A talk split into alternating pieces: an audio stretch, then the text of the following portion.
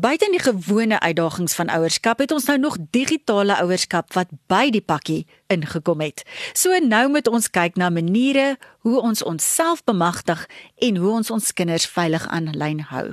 Ek gesels lekker in hierdie episode van Rianet en die internet om jou te help met hierdie uitdaging.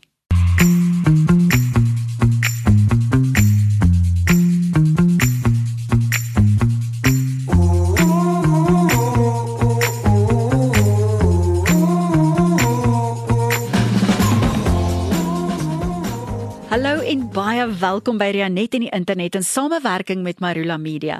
My naam is Rianet Laibewitz en jou kuberwelstand en aanlyn veiligheid is belangrik vir my.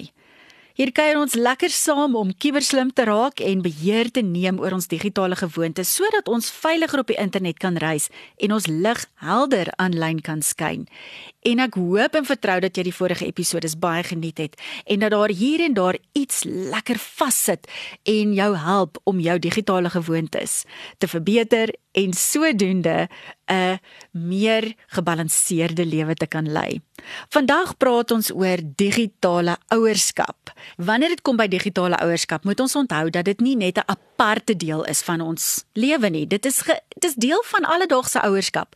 Net soos ons ons kinders leer hoe om veilig met 'n mes en vork te eet. 'n Mes is tog immers ook 'n wapen as hy verkeerd gebruik word en ons leer hulle mooi tafel maniere moet ons dieselfde aanlyn doen en ons kinders leer hoe om veilig te reis en verantwoordelike digitale burgers te word. Ons doelwit is mos nou om 'n goeie verhouding te bou met ons kinders sodat ons weet daar's vertroue waarop alles verder gebou word.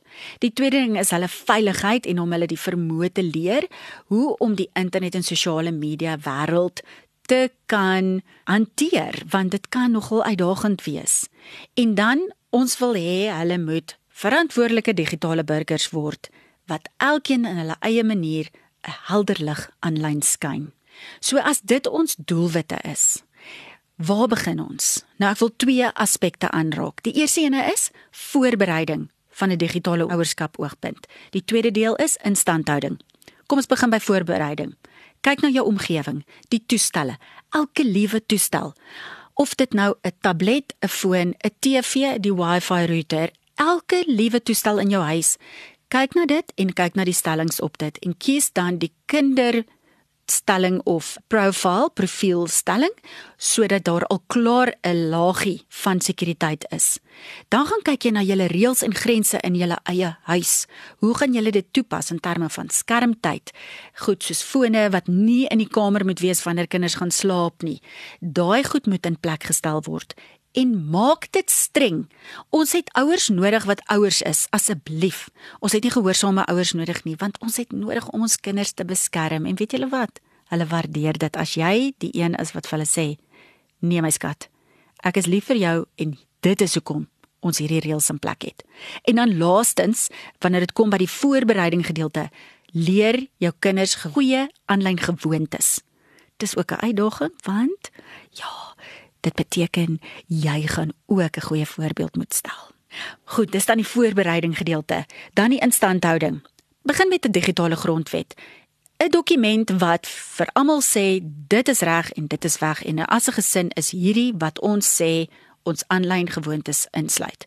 As jy 'n voorbeeld wil sien, gaan gerus na rianet.com.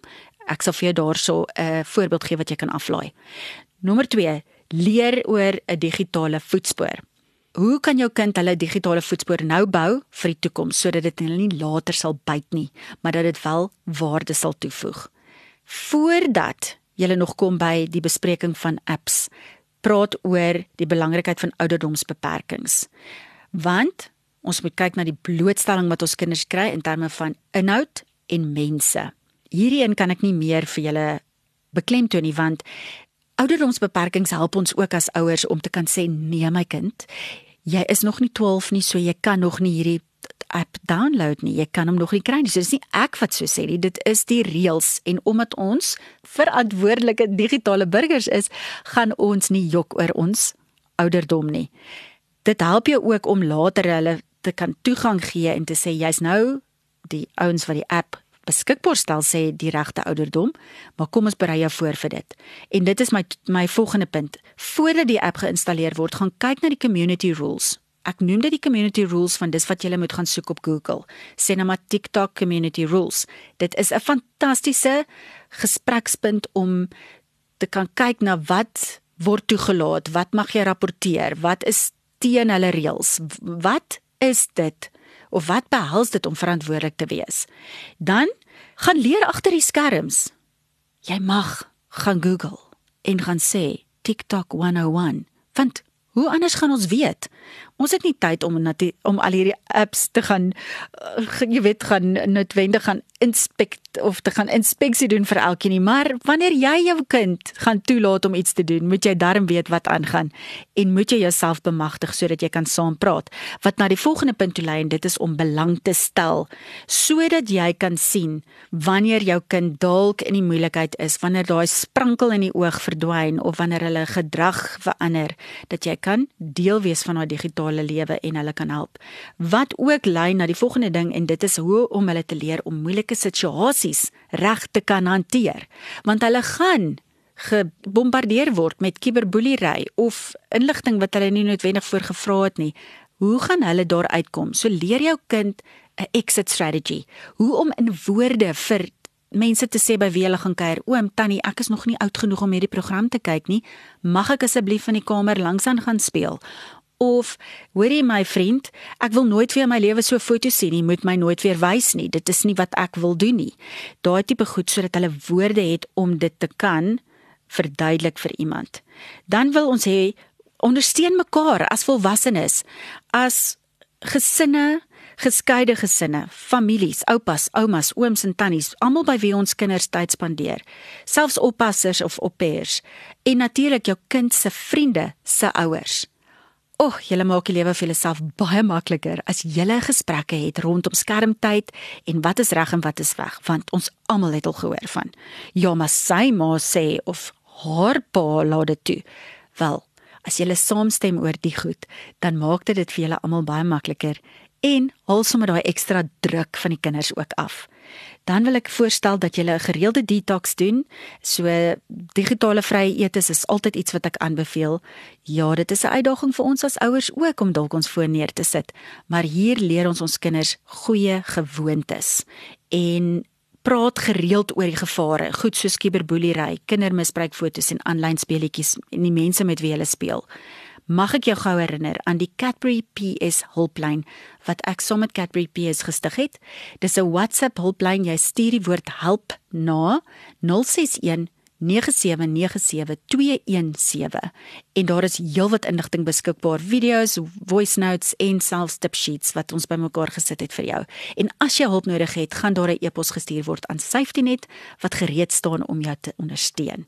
Nou As jy al hierdie goed gedoen het, dan jy nou die voorbereiding en die instandhouding in plek. Maar as jy verder wil leer en as jy dalk 'n kuier wil reël dat ek by die skool kom gesels of selfs met jou vriendegroep of dit nou 'n aanlyn vergadering is of 'n kuier of ek kom sit daar saam met julle in die sitkamer en julle nooi al julle vriende en hulle kinders, dan um, kan ons saam hierdie digitale ouerskap reis aanpak en wen.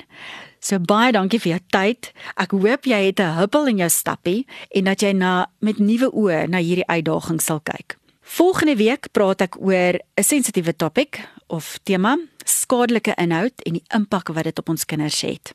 Ek hoop jy sal inskakel vir daai een want dit is een wat na aan my hart lê. Tot volgende keer, bly in beheer van jou digitale gewoontes. Reis veilig op die internet en skyn jou lig helder aanlyn.